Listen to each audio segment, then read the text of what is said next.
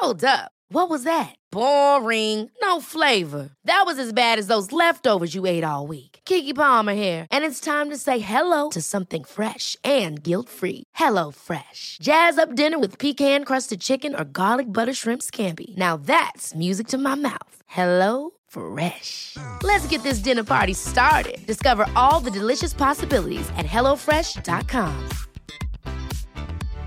Ready to pop the question? The jewelers at BlueNile.com have got sparkle down to a science with beautiful lab grown diamonds worthy of your most brilliant moments. Their lab grown diamonds are independently graded and guaranteed identical to natural diamonds, and they're ready to ship to your door. Go to BlueNile.com and use promo code LISTEN to get $50 off your purchase of $500 or more. That's code LISTEN at BlueNile.com for $50 off. BlueNile.com code LISTEN. I'm Sandra, and I'm just the professional your small business was looking for. But you didn't hire me because you didn't use LinkedIn jobs. LinkedIn has professionals you can't find anywhere else, including those who aren't actively looking for a new job but might be open to the perfect role, like me. In a given month, over 70% of LinkedIn users don't visit other leading job sites. So if you're not looking on LinkedIn, you'll miss out on great candidates like Sandra. Start hiring professionals like a professional. Post your free job on linkedin.com/people today.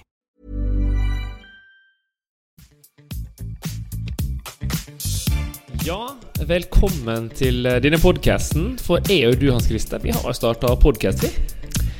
Det har vi. Vi skal jo snakke om uh, alt som vi syns er gøy, i så fall. Ja. Og forhåpentligvis uh, dere lyttere òg syns at det kan være spennende å høre på ja, langrennssnakk, uh, trening, litt løping. Eh, alt som beveger seg i skiverdenen, skal vi snakke om. Ingen tvil om det. For nå har jo du Du skal jo etter hvert få lov å presentere litt mer hvem du er, og er det samme skal jeg. Men eh, vi kan jo si så mye om at du har vært en eh, relativt habil skiløper eh, som avslutta karrieren i år. Ja, det er jo det som har vært livet mitt, egentlig. Nå er jeg 34 år og har eh, altså, Jeg føler vel at jeg har vært skiløper stort sett hele livet. Så eh, jeg liker jo å tro at jeg har litt erfaring da, som vi kanskje kan eh, dele med dere lyttere. Og, og du har jo vært eh, tre, altså på andre sida av gjerdet, trener Ja. eh, stort sett hele livet. Så det, det skal bli moro. Det blir veldig moro. Og i tillegg til Er jeg og du, Hans Christer, så skal vi også være så heldige at vi har fått med oss noen gjester etter hvert. Vi kaller det spesialgjester. Og det gleder vi oss veldig til. Ja. Eh, vi, vi sikter jo høyt. Da. Vi ønsker jo å få med liksom, de, største, de største stjernene. Så, Ja. uh, så får vi se om uh, de, eh, de ønsker å, å bli med på vår podkast. Uten tvil. Og litt av det vi ønsker når vi har med disse her stjernene, er jo å kanskje bli litt bedre kjent med hvem er de forskjellige personene. Utover det at de- de er jo kjent som regel i kraft av at de er veldig, veldig gode et eller annet, men vi ønsker kanskje å bli litt kjent med hvem er personen, da. Ja, og det er jo eh, Når vi hører på eh, Johannes Østfold Crab og Therese Johaug og i intervjuer, så, så får vi ofte de samme svarene gang etter gang etter gang. Mm. Så vi ønsker å få litt andre svar, da. Og som du sier, bli litt bedre kjent med personen. Eh, grave litt dypere. Eh, Så det skal, bli, det skal bli spennende. Jeg gleder også veldig til. Men, men nå er det første podkast her. Mange vet nå hvem Hans Christer Holund er. Men vi har nevnt det, du er en skiløper. Men, men hvem er Hans Christer Holund? Ja eh, Det har Har ikke noe godt svar på sjøl. Nei, men altså, du, du, er, du, har jo, du har jo vært skiløper i, i mange år. Eh, og for de som ikke vet det, så kan jeg da skryte litt av det. Du er jo verdensmester individuelt to ganger. Du har vært på pallen i Tour de Ski. Eh, du har vært med og tatt medalje i både VM og OL. Nesten alle distanser du har gått, har du tatt medalje i for Norge i de siste fire-fem mesterskapene. Men så vet jeg også at du, du er jo ikke kun vært skiløper. Altså du, du driver på med litt andre ting. Eh, men vi kan jo spole tida tilbake. Altså, hvorfor sitter du her nå og spiller en podkast med meg og ikke er skiløper og trener mot en ny sesong? Eh, har jo fått, eh, fått to barn eh, som jeg ønsker å bruke mer tid på.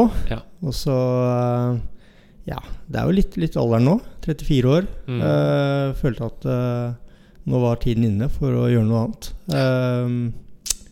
Målet var vel kanskje i utgangspunktet å satse frem mot VM i Trondheim i 25. Riktig. Men det ble, det ble på en måte ett år for lenge til. Mm. Uh, hadde VM vært i vinteren, så hadde jeg nok gått én sesong til. Men, uh, men um, ja. Uh, skal en satse på øverste nivå, så må en ha tid og overskudd til å legge ned en, den jobben som kreves. Og det var vel der jeg følte at det, det starta å bli vanskeligere og vanskeligere å få um, god nok kvalitet på treninga. Mm. Og jeg skal ærlig drømme at uh, jeg våkna opp et, Jeg husker ikke akkurat dato, jeg tror det var 1. mai. Eh, cirka 1. mai. Jeg våkna opp, og det var x antall ubesvarte anrop fra det. Ganske tidlig. Dette var en søndagskveld. Eh, morgen, unnskyld. Eh, søndag morgen. Og det var nesten sånn Jeg trodde det var 1. april når jeg las melding at Hei, har ringt for å gi beskjed om at jeg kommer til å legge opp. Eh, så det kom, det kom, brått på. Tror du det kom brått på mange andre enn kun liksom meg? Altså generelt folk som kanskje står deg nær også? Ikke kanskje kjæresten din og mor og far, men liksom en andre? Ja. Eh, ja, det, det gjorde for så vidt det. Jeg hadde jo, som sagt, jeg var jo litt i tenkeboksen uh, gjennom vinteren. Og så, så, bestemte jeg meg egentlig for å gyve løs på to nye år. Mm. Eh, men eh, ja, så fikk jeg covid etter femmila i Kollen, ja. og så fikk jeg tid til å tenke litt, og Ja. Det um, Da um, så var det litt viktig å ta en, en ordentlig beslutning før eh, landslagene ble tatt ut, og, ja. og jeg skulle gyve løs på en på ny sesong. Så mm. Sett i ettertid så er jeg eh, nok fornøyd med den avgjørelsen jeg tok. Ja. Eh, ser nå med med to barn og mye som skjer på si, så um, hadde det blitt uh, hektisk. Absolutt. Og det er jo godt å sitte her i dag og kjenne på, eh, nå når vi er like før skisesongen faktisk er rundt hjørnet. I, I min verden så er det like før vi skal på ski. Um, så det er veldig godt å høre at du er glad med den beslutninga. Men, men, men, hva driver da Hans Christer Holund på med i dag? Altså Nå er ikke du skiløper lenger nå? Jeg skal jo uh, kommentere for Viaplay til vinteren. Oi, oi, oi, Såkalt eh, langrennsekspert. Så ja. det, det, blir, det, blir, kult. Ja, hvordan blir Hans Christer Holund som langrennsekspert? Blir du sånn som stiller sånn veldig lette, ledende spørsmål, eller er du på andre sida av gjerdet nå og har planer om å liksom grille dine tidligere gode venner?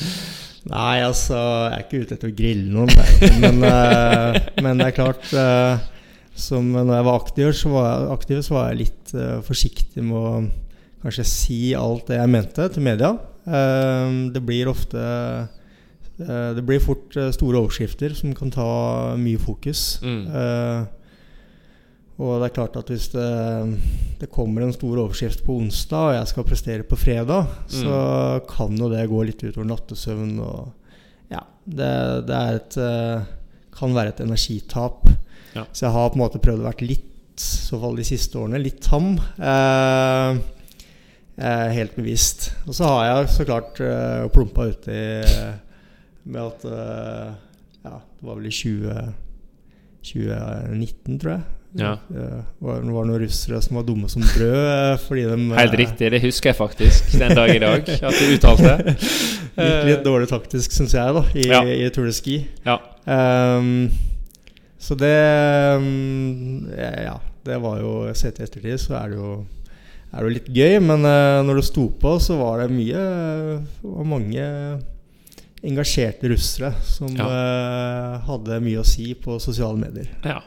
Så da var det en del DMs i Instagrammen til Hans Christer Holund, eh, med andre ord. Så det, det gleder jeg meg veldig til, at du skal, skal få ta en rollen som en ekspertkommentator.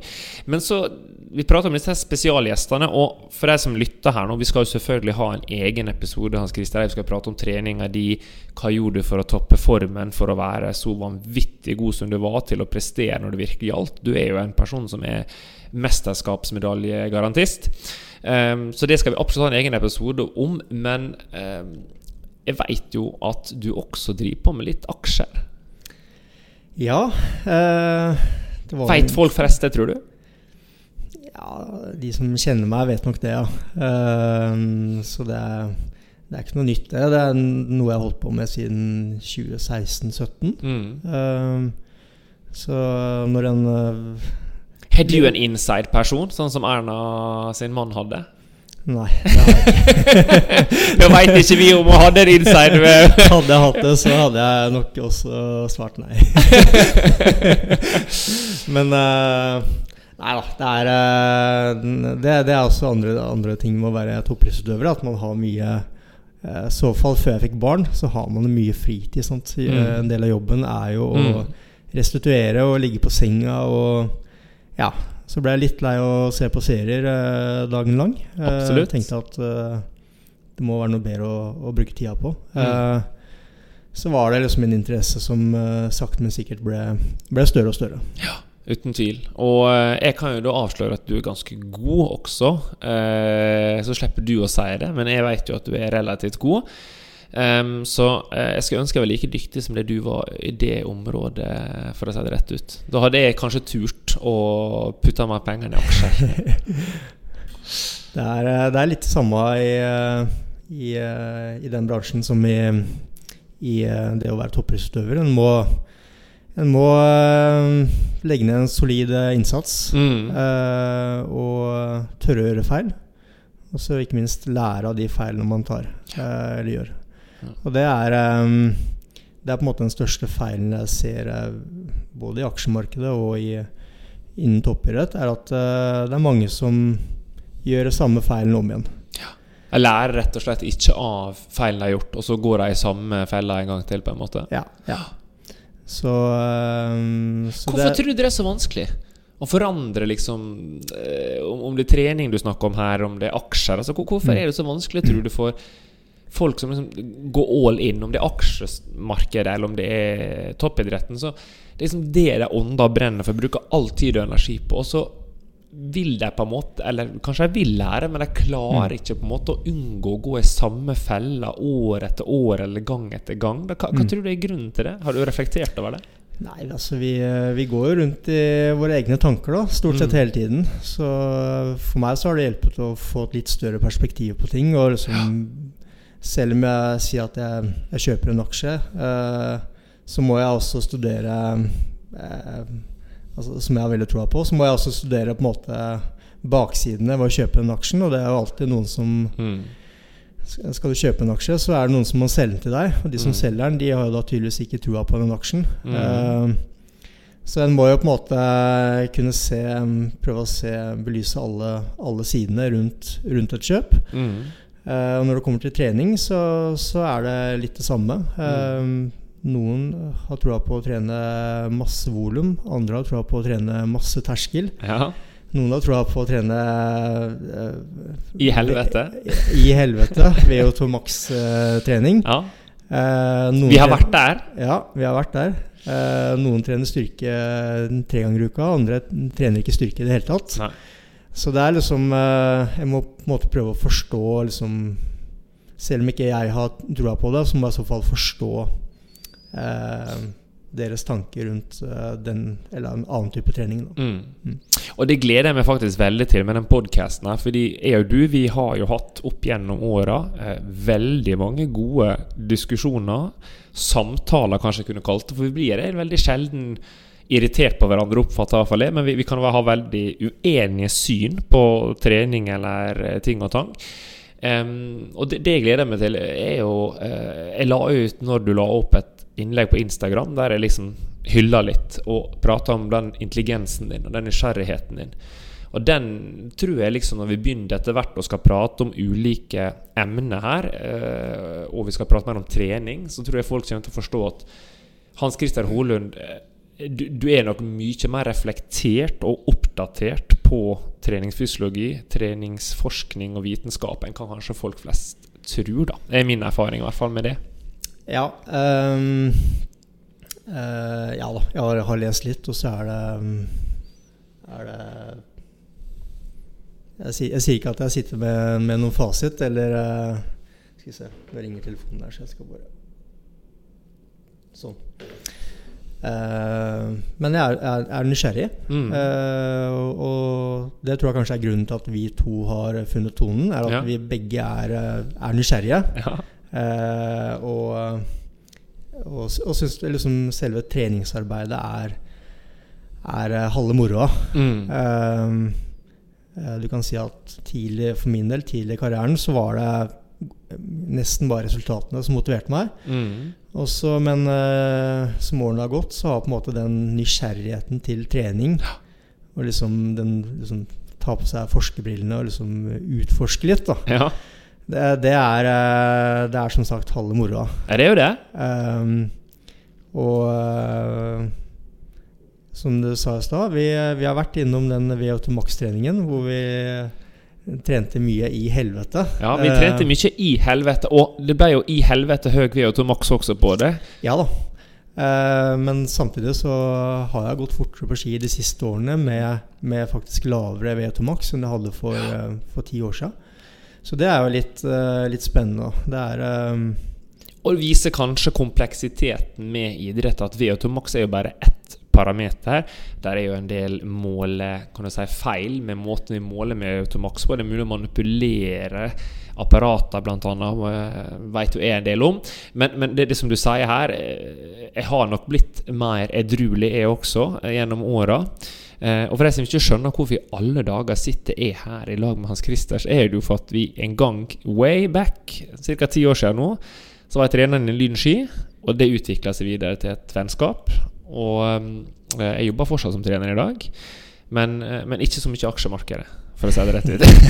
Men du kan jo eh, fortelle litt om, eh, om hvem du er. Eh, Ja, jeg skal ta det ganske kort, men, men jeg er jo, har en bakgrunn fra Norges idrettshøgskole. Tatt en doktorgrad der. Altså Mens jeg tok det doktorgradsløpet på idrettshøgskolen, så jobba jeg som trener som sagt i lynski. Der var jeg veldig heldig. Eh, Jeg fikk jobbe med veldig mange talentfulle utøvere. To av de som kanskje har blitt mest kjent i etterkant, det er jo du, Hans Christer, og Simen Hegstad Krüger. Men så var jeg også så heldig at jeg hadde eh, ressurssterke personer i lag med meg i trenerapparatet. Annet Eirik, som i dag er Nossum, som er jo trener for Allround-landslaget. Her er kanskje distanselandslaget nå, fordi det var en diskusjon rundt det. Det er ikke så viktig. Eh, så jeg var veldig heldig da, og fikk være med en bra gruppe. Og gikk videre derifra og har jobba med det britiske skilandslaget. Eh, og så Sist Siste år da var jeg litt innom som en ressursperson hos dere på distanselandslaget. Eh, Eirik som var snill og ville ha med, og dere hadde sagt også at dere syntes det hadde vært hyggelig. Og så i år jobber jeg for noe som heter Team Aker Dæhlie, da. Som er jo da et eh, privatlag som satser både på ski classics og allround langrenn. Så det er egentlig med kort oppsummert. Du er, eh, du er aktiv i så fall. Du er eh, effektiv, og du får gjort mye. Ja. Så du har eh, Du har eh, egentlig alle kvalitetene til, til en god trener, og, og eh, er ekstremt eh, kunnskapsrik. Nesten alt jeg har lært om trening, har jeg lært fra enten deg eller Eirik Nossum. Så eh, Og Litt tilfeldig. Altså jeg tror jo For min egen del altså, Jeg har reflektert en del over det nå når jeg er blitt litt eldre.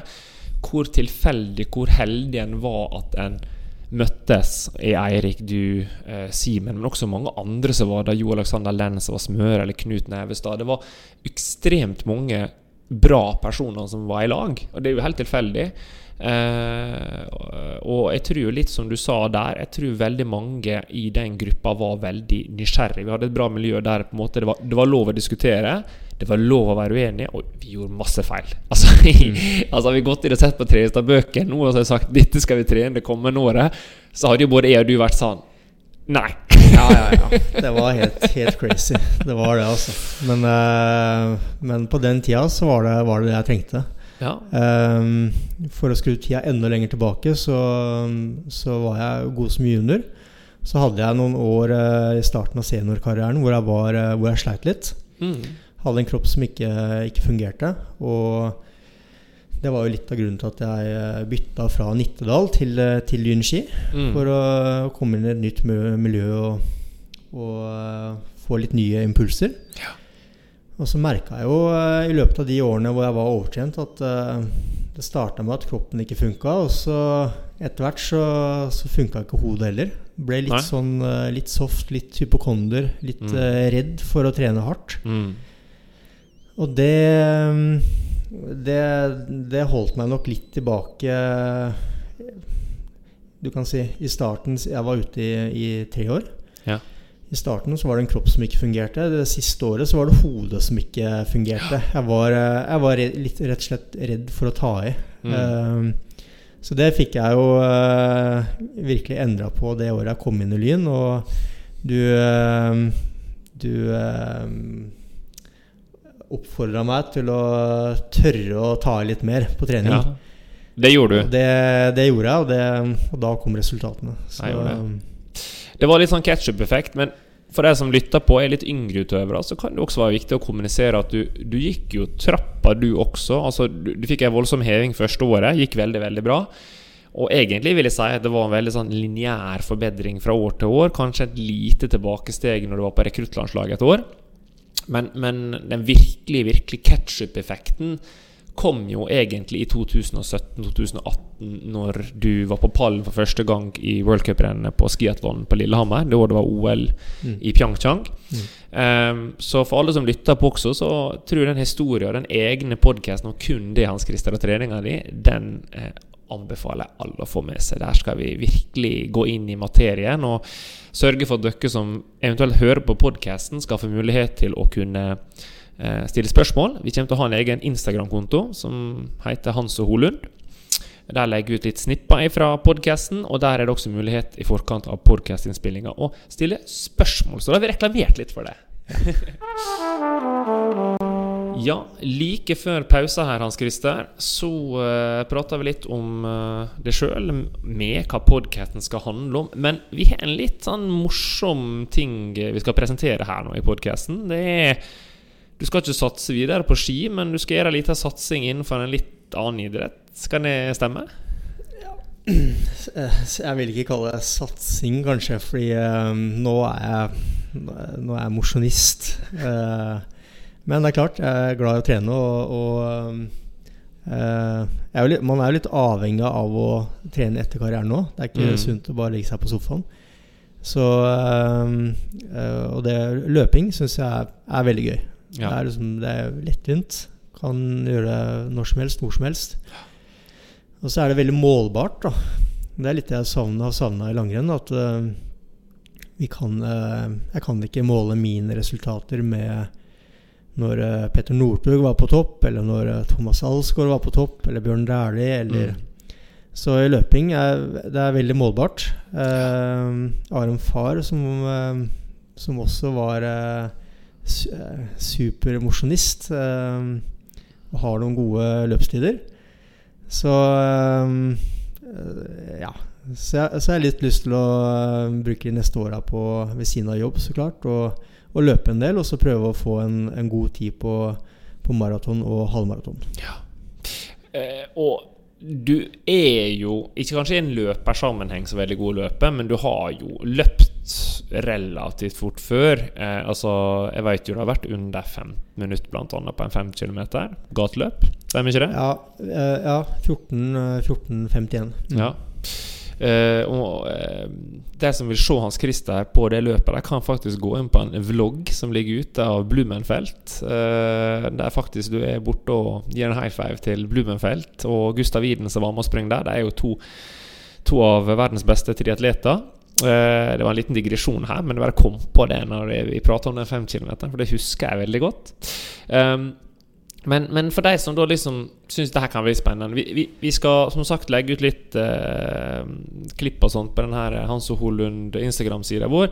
Der skal vi også legge ut litt info om treninga di. Vi har blitt enige om det? Ja. eh, det, er, eh, det er jo liksom et nytt Nytt område eller, eh, eh, sånn treningsmessig for min del. En, en løper trener eh, på en litt annen måte enn en skiløper. Så, eh, så er det, det er veldig gøy å, å starte med blanke ark og gjøre noe som jeg ikke har, har gjort før. Ja. Eh, så jeg kommer jo garantert til å gjøre mye, mye feil eh, treningsmessig. Og, og ja, så vi, vi ønsker jo på en måte å ta med lytterne på den, den reisen, kan du si. da Mm. eh, Fra å være en eh, ja, relativt dårlig løper nå. Eh, jeg har jo ikke løpssteg. Eh, eh, har sikkert ikke en kropp som er uh, akkurat lagd for å løpe heller, men jeg har uh, heldigvis god kapasitet. Og Ja. Og så håper jeg å kunne ta med meg litt erfaring fra, fra skigåinga inn i, inn i løpinga, og så får vi se hvor fort, fort jeg Mm. klarer å løpe. Nei, altså, jeg, jeg, blir jo nesten litt irritert, Hans Christer, for du er jo god å løpe. Eh, men jeg skjønner hva du mener. Eh, det da som prøver liksom å klare å springe kanskje sånn rundt sånn 18 km i timen på, på en eh, 10 km i snitt, og kanskje kan klare rundt sånn 19 på en 5 km, så er det jo eh, du, du springer over 20 km i timen når du er i dårlig løpeform. Du er jo ikke dårlig Ja, men- løper, men, ja. men jeg skjønner, sammenlignet med det nivået jeg tror du kan være på, og den motoren du har, så blir det spennende å se hvor fort kan du faktisk løpe neste år. Det er jeg helt enig i. Det, det, det jeg mente, var at når jeg løper, så har jeg jo et bilde i hodet på hvordan det ser ut. Og det ser jo ganske bra ut, ja, syns jeg sjøl, da. Ja. Og så ser jeg jo uh, litt sånn videoklipp av meg sjøl senere, og, Ja. og det ser jo helt Det er jo grusomt. Ja. Det er jo uh, Lander tungt på hæl og er frampå, og hofta knekker, og alt, alt er gærent. Men eh, teknikk har heldigvis ikke så mye å si, kanskje, i løping som det har i langrenn. Nei, Nei det, det, nå får vi sikkert en del personer som er veldig uenige i det, tipper jeg. Men dette her blir jo spennende uansett. Og vi kan jo ta imot tips fra folk som er løpegærne etter hvert. Vi er jo, er jo heller ikke noen spesielt uh, kyndige personer når det kommer til løpsteknikk, i hvert fall. Jeg tror nok sånn, I forhold til det med treningsplanlegging og den biten der, der har du jo mange gode venner som løper en del, så der får vi ta noen diskusjoner underveis. Jeg tror en av dine store utfordringer kommer til å bli å unngå skade. Eh, og klare å opprettholde kontinuitet og volum, som en er veldig opptatt av i løping. Altså antall kilometer, ikke timer, som vi prater ofte om i langrenn, men antall kilometer i uka. Har du allerede begynt å snu, dreie fokuset fra timer, intensitet, til kilometer, eller er det fortsatt en kombi av ski og løpementalitet? Ja, altså i, i langrenn så telte vi jo, tim, telte vi jo timer. Eh, og så så vi jo Eller jeg, da. Så jeg på, på puls. Mm. Det var liksom Det var det jeg trente etter. Mm. Så volum og intensitet basert på puls. Ja. I, eh, i lø på løping så har jeg skjønt at der eh, er volumet basert på kilometer, og så Ja. er intensiteten basert på eh, laktat. Ja. Så det er jo liksom kanskje den største endringa. Mm. Hvorfor tror du det er slik? Løping er mer, er mer målbart. Så, og så da er nok laktat et mer et presis måte å måle intensitet på. Mm. Eh, en kan måle laktat eh, på ski òg, men eh, det er sjelden man går eh, rett fram, fram eh, paddeflatt på ski. Det er ofte mye opp og ned og bakker og svinger og som, Mm. som er med på å påvirke laktaten. Og eh, til tider så kan det være mer eh, misvisende enn eh, enn veiledende. Eh, løping er eh, veldig enkelt, veldig målbart. Derfor tror jeg laktat er bedre. Og så og så um, Ja, hvorfor kilometer? Det har jo litt med, med hvor, hvor fort man løper, da. Eh, Ja. Hvis man, hvis man løper veldig sakte, så får man eh, så klart flere timer. Men eh, treningsbelastningen er kanskje ikke, Mm. ikke større. Eh, så, så det kan nok være en av grunnene. Ja. Og en uh, har jo, hvis en dypdykker litt ned i det som finnes Det finnes ufattelig mye data og kunnskap knytta til løping og prestasjon i løping. Så ser en jo faktisk at det å ha høyt maksimalt oksygenopptak, iallfall opp til en viss nivå, er faktisk ikke nødvendigvis den viktigste fysiologiske parameteren. Vi kan ta et eksempel med Eliud Kipchoge, som da har verdensrekorden på maraton fortsatt. Og har også sprunget under to timer, vel å merke, med en litt sånn spesielt forsøk med Ineos 159. Han har faktisk ikke et oksygenopptak som er høyere enn rett over 70. Men han har en enorm løpsøkonomi eh, og kan springe på enormt høy hastighet på en lav oksygenopptak. Så det viser jo at løping kanskje er sånn sett også ikke så sentralt begrensende. Da prater jeg om hvor mye oksygen du klarer å ta opp, men det handler vel så mye om det her å være sterk i muskulaturen du benytter, og det å kunne klare å utnytte den oksygenen på en veldig effektiv måte, og ha en minst mulig reduksjon i arbeidsøkonomien etter hvert som du opprettholder den hastigheten du må ha for å vinne. Mm. Ja, ja, ja. Og det er, eh, det er litt, litt interessant å se at eh, ja, som du sier, løpere har, eh, det er ikke blant de som har høyest VO2 max. Mm. Der ligger kanskje langrenn og, og triatlon på topp. Ja, ja, jeg tror jeg. Eh, og litt av grunnen til det kan nok være at eh, i langrenn og triatlon så bruker du hele kroppen. Eh, når en løper, og spesielt løper flatt, så er det Så er det som å bruke mye av Bruke beina, så klart. Ja. Men eh, en har ikke så mye muskulatur eh, i, i overkroppen. Nei. Så eh, og, og, og Ja. Så det mm, Det Og så er det, det Det er jo kanskje litt av grunnen til at vi eh, i langrenn er, opp, eller er mer opptatt av VO2 maksen, er fordi vi, vi bruker hele kroppen. Mm. Uh, en må på en måte være godt trent, ikke bare i beina, men også i, i overkroppen. Jeg tror det. Jeg tror, og Vi kan jo prate etter hvert om det her i podkasten, men det handler da også om mengde muskulatur som er inkludert i bevegelsen. Det er klart det er betydelig mindre muskulatur som er inkludert i løping enn det det er i langrenn. Det er jo bare å sette opp en uh, langrennsløper, en sprinter, uh, ved siden av en uh, distanseløper, som er på toppnivå, da, vel å merke. Eh, nå, klart Johannes, du er jo begge deler, men hvis du tar forresten ekstreme, da, en eller andre veien, og så tar du en løper eh, som springer 10 000 meter og maraton, så ser du ganske visuelt at det er en enorm forskjell i muskulatur eh, på de fire guttene, eller jentene også, hvis du velger å ta jenter. Så det er nok eh, andre begrensninger. Men, men du kommer jo fra å være best i verden. I hvert fall en av de beste i verden. Altså Så seint som siste år faktisk i år, 2023, så tok du en bronsemedalje individuelt. Du tok gull på stafetten for Norge. Hvordan er det nå for det om plutselig være helt average når du er på løpeøkter? Jeg vet du springer litt med ei gruppe.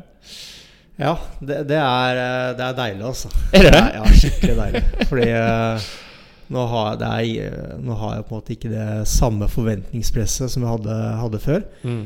Så eh, som du sier, nå er jeg en mann, vanlig mann i gata Ja. eh, når det kommer til løping. Og eh, ja, har, eh, har på en måte ikke noe å, å tape. Mm. Eh, hvis man allerede er på et høyt nivå, så forventer, forventes det også mer. Mm. Og så er det det med, med progresjon at eh, jeg merker jo nå Nå har jeg trent Prøvd å trene litt mer regelmessig siden 1. august. Ja. Eh, og jeg merker jo fremgang uke for uke. Eh, og det, det er jo veld, veldig morsomt og, og, og motiverende. Mm. Eh, I langrenn, eh, når jeg satser langrenn, så når man kommer opp på et visst nivå, så er det vanskelig å måle fremgang og progresjon fordi nivået er, allerede er så høyt. Mm. Så det er eh, Ja. Men, men tror du det har noe med at vi kanskje ikke er dyktige nok på å prøve å, å objektivisere ulike fysiologiske egenskaper, eller ulike delteknikker? Altså Hvis du bryter det ned, er vi for dårlige, tror du, i langrenn? Fordi det er så komplekst, fordi vi har to teknikker innad i de teknikkene, og så finnes det på en måte tre-fire delteknikker som igjen Altså, Dobbeldans er jo ikke dobbeldans. Det finnes jo bratt dobbeldans, det finnes slak dobbeldans, det finnes en ting midt imellom. Sant? Så det, det er jo kanskje 20 gir innad i hver teknikk, klassisk skøyting. Mm. Tror du hadde idretten vår vært lettere, tror du den da i større grad kunne faktisk ha egentlig bare gått inn på ei mølle og så bare screena og sagt ja, du er godt nok trent nå til å ta, være på pallen i World Cup, eller tror du nei? Så enkelt er ikke det. Ja eh, Jeg tror jo det største problemet er at eh, det er, det er ingenting som vokser opp i himmelen. Eh, og, eh, og du ser eh, Ja, du ser Jakob Ingebrigtsen i løping. Mm. Han eh, perser med kanskje ett sekund, eh, to sekunder, Mm. år for år. Eh, og det er jo På hans nivå så er jo det, er jo det mye. Mm. Men det er jo ikke mye å liksom, Fysiologisk så er det ikke Nei.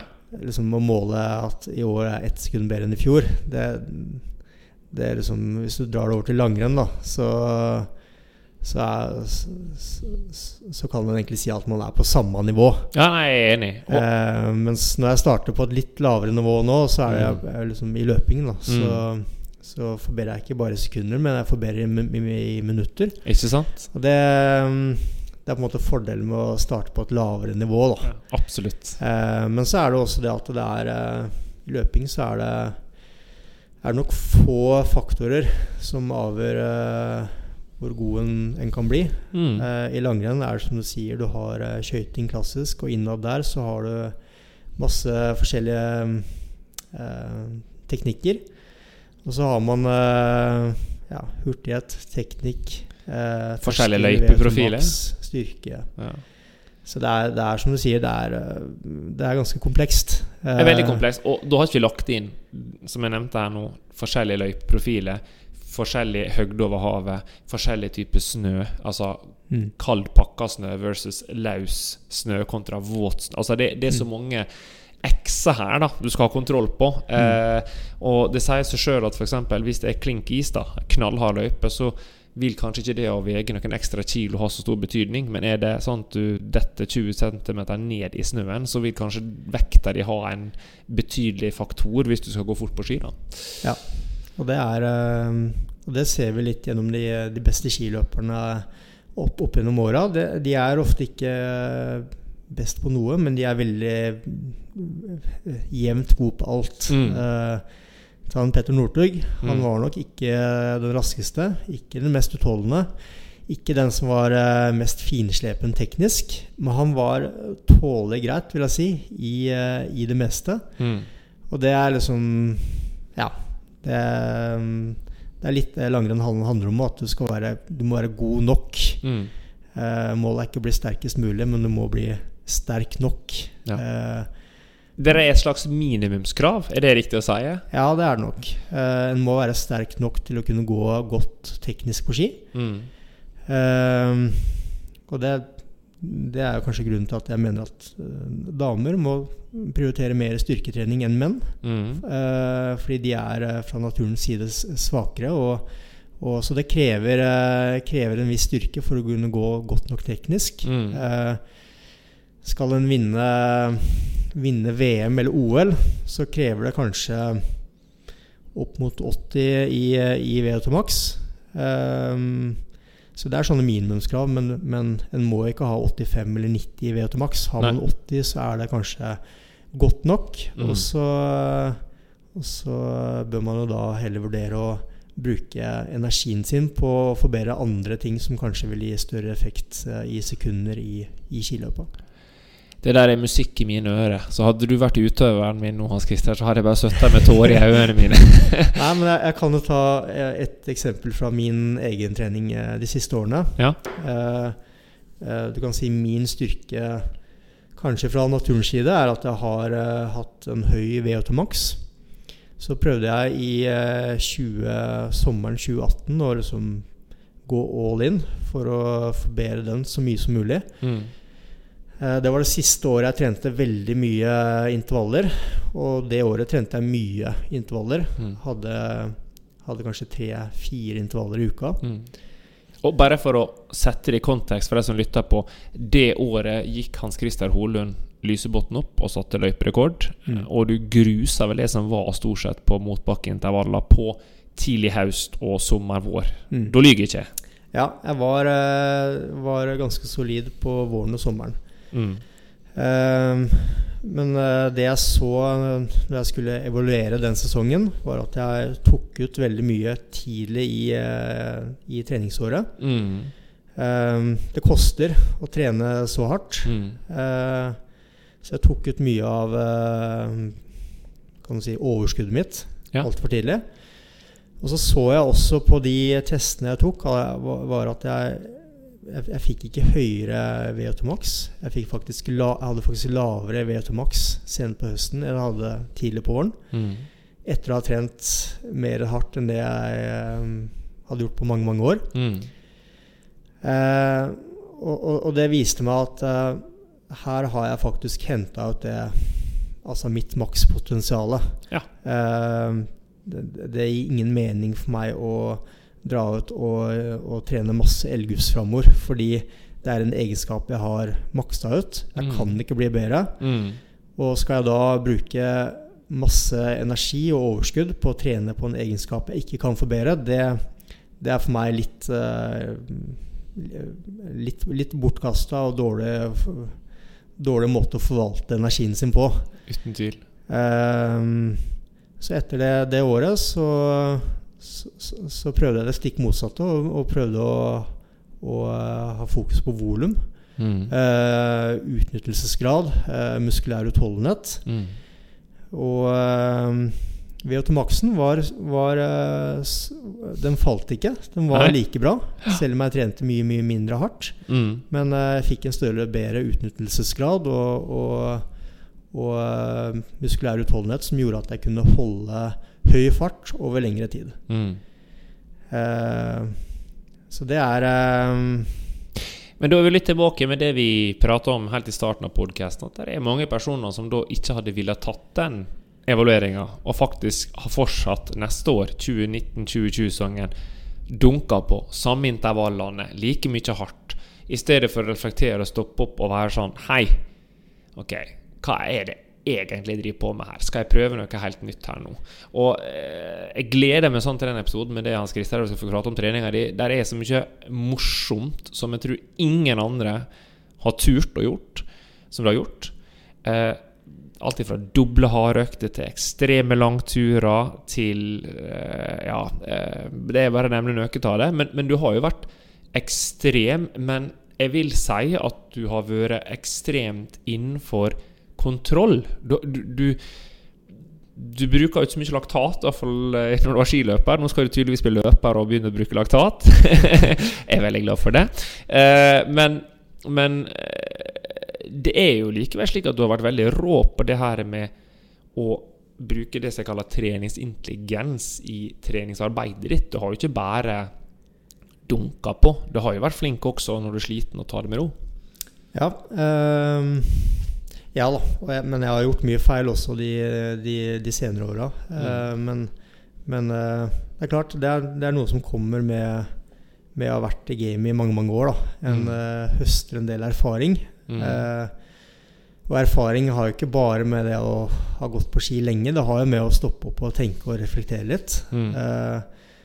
og det har med å ha prøvd mye forskjellig, ja. så at man vet hva man, man snakker om. Mm. Uh, og så har det litt med en uh, Altså, hva skal du si? Eh, treningsintelligens. Hvordan, hvordan, måler du det? Mm.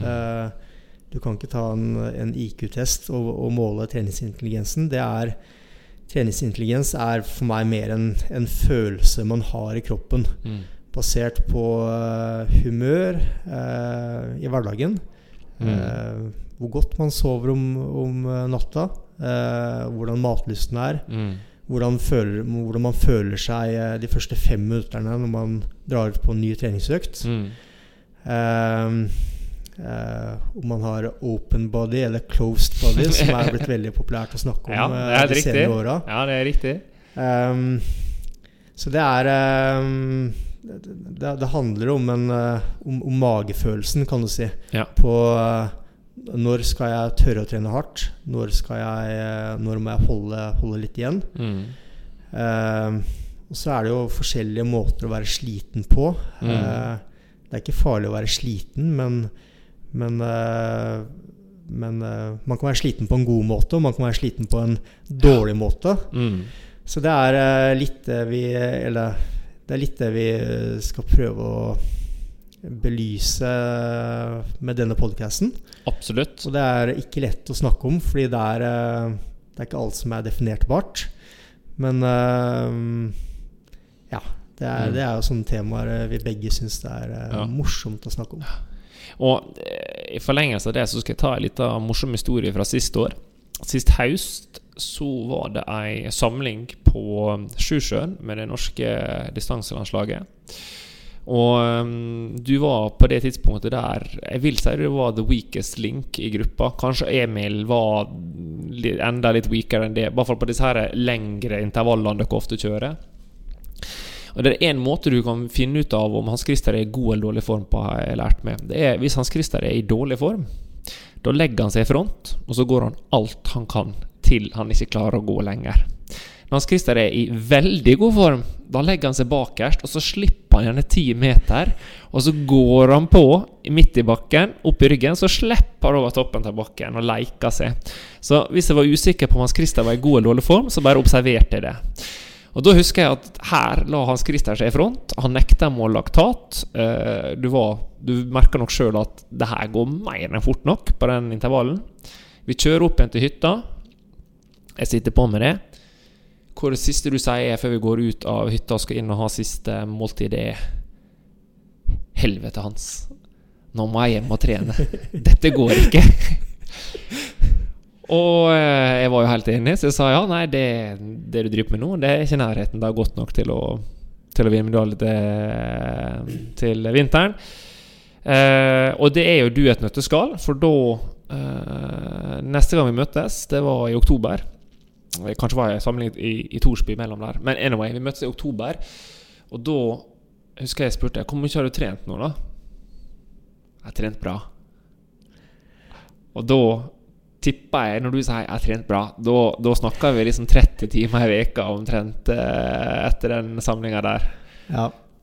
Kan du avsløre det? Hvor, Ja, ja, ja. hvor mye trente du etter den samlinga på Sjusjøen? Når du sa ja, det, det var kanskje rundt der, ja. Ja.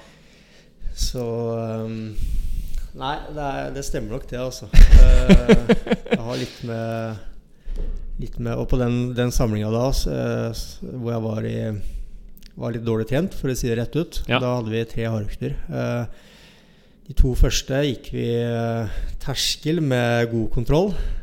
Og da er det veldig lett å kamuflere at man er i dårlig form. Sant? Det, det, um, alle holder følge, og man kan dra et drag, og det er liksom Men uh, siste økta på den samlinga, da, da skulle vi dra på litt mer. ja. Eh, hang vel på de to første dragene, og så var det min tur til å dra.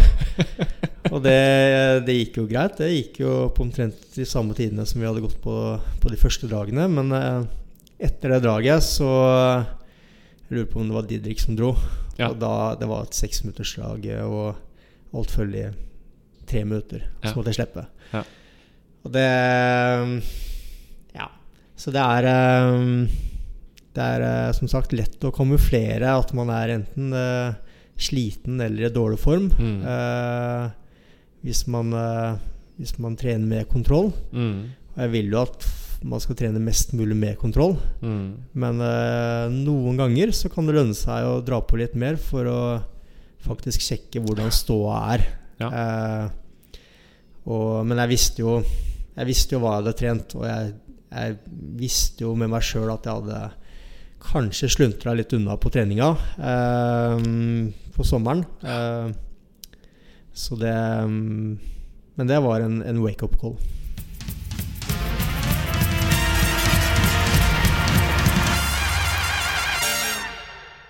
Ja, hvis du ikke likte den lille inside-historien fra Hans Christer på samlinga på Sjusjøen, så kan jeg love at det blir veldig mye mer av slike historier i podkasten. Og dere begynner kanskje å få et lite inntrykk av innholdet i denne podkasten.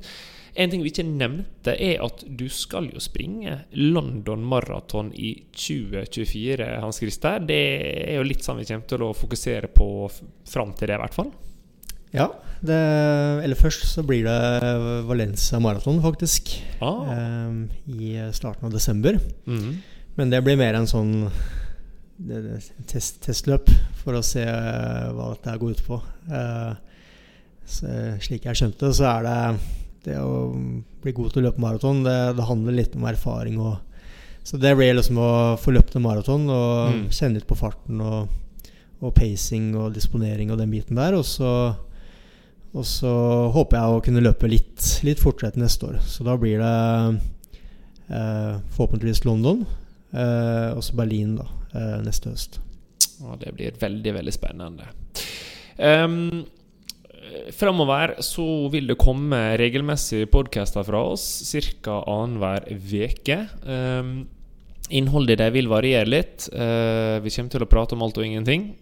Uh, vi skal ha noen egne spesialepisoder der vi skal prate om trening og gode tips og råd. Vi skal kanskje være litt uenige, Hans Christer, i uh, vitenskapsmannen her uh, ved siden av det versus praktikeren. Tror du det kommer til å skje ofte, eller er vi stort sett samstemte? Nei, ja, vi er nok mye samstemte, men det er eh, en del eh, punkter hvor vi er eh, ganske uenige òg. Absolutt. Så det er eh, Så de diskusjonene kan, kan jo bli eh, interessant å høre på. Mm.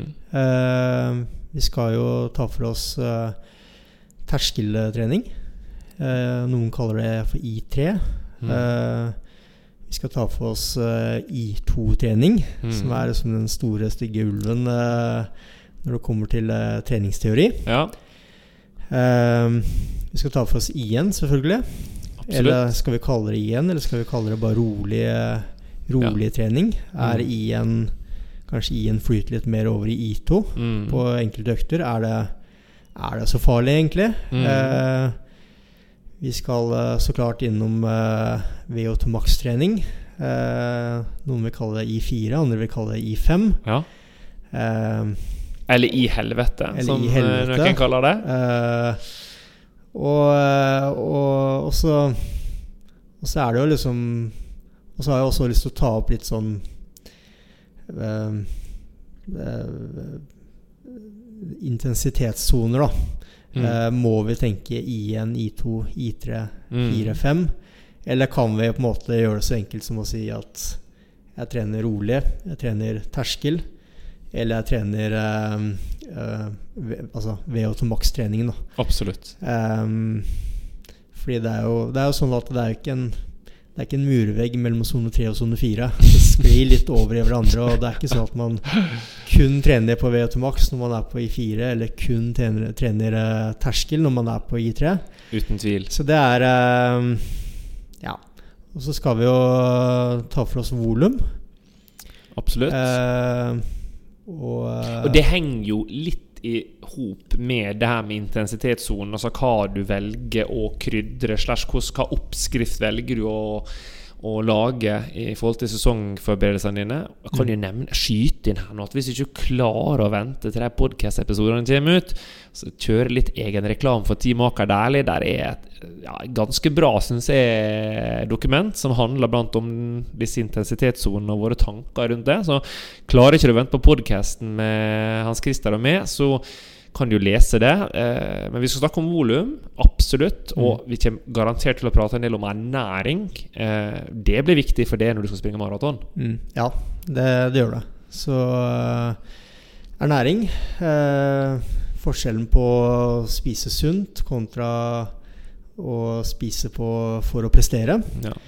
Der er jo jeg på the dark side of the dark side. Altså, jeg er jo jeg er jo så ekstrem når det kommer til ernæring, at jeg mener det er misforstått av de aller fleste ernæringsfysiologer. Eh, I hvert fall når vi snakker om eliteidrett. Vi snakker ikke om å være sunn, vi snakker ikke om bra helse, vi snakker ikke om overvektige personer som sitter på et kontor og ikke beveger seg. Her snakker vi om eliteutøvere som skal prestere. Målet er å tune ut, presse ut det som finnes av fysiologisk potensial.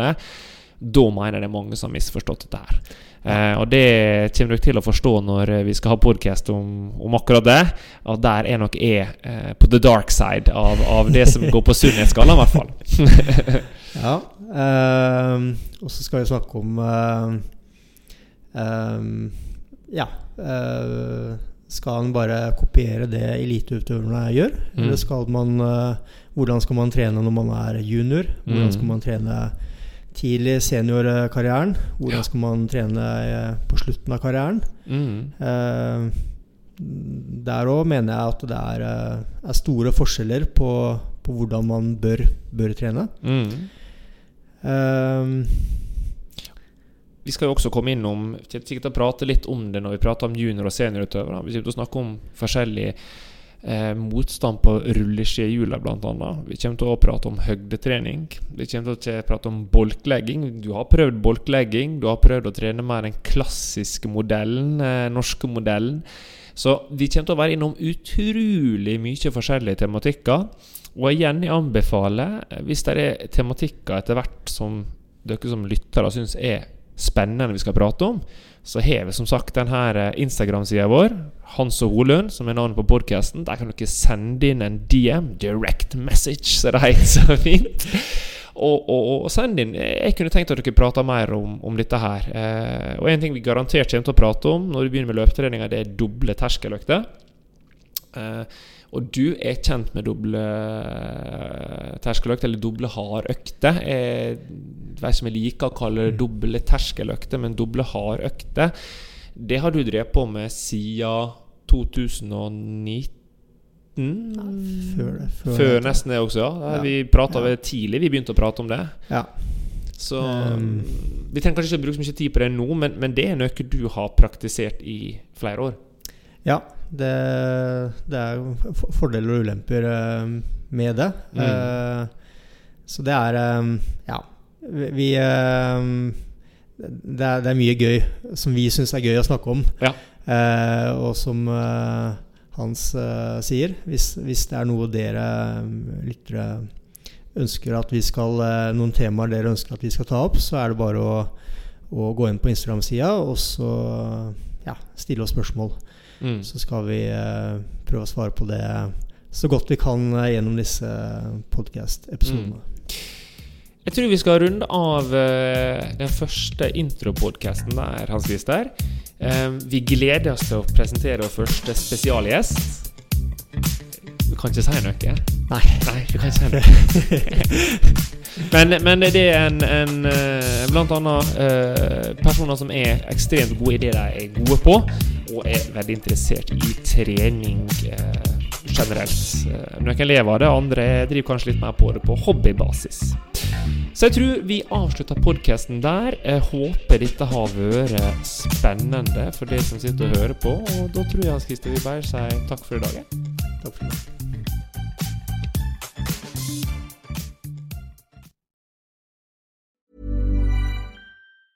Planning for your next trip? Elevate your travel style with Quince. Quince has all the jet setting essentials you'll want for your next getaway, like European linen, premium luggage options, buttery soft Italian leather bags, and so much more. And it's all priced at 50 to 80% less than similar brands. Plus, Quince only works with factories that use safe and ethical manufacturing practices. Pack your bags with high-quality essentials you'll be wearing for vacations to come with Quince. Go to quince.com slash trip for free shipping and 365-day returns. Ever catch yourself eating the same flavorless dinner three days in a row? Dreaming of something better? Well, HelloFresh is your guilt-free dream come true, baby. It's me, Kiki Palmer. Let's wake up those taste buds with hot, juicy pecan-crusted chicken or garlic butter shrimp scampi. Mm. Hello Fresh. Stop dreaming of all the delicious possibilities and dig in at HelloFresh.com. Let's get this dinner party started. Even when we're on a budget, we still deserve nice things. Quince is a place to scoop up stunning high-end goods for 50 to 80% less than similar brands. They have buttery soft cashmere sweaters starting at $50, luxurious Italian leather bags, and so much more. Plus, Quince only works with factories that use safe, ethical, and responsible manufacturing. Get the high-end goods you'll love without the high price tag with Quince. Go to quince.com slash style for free shipping and 365-day returns.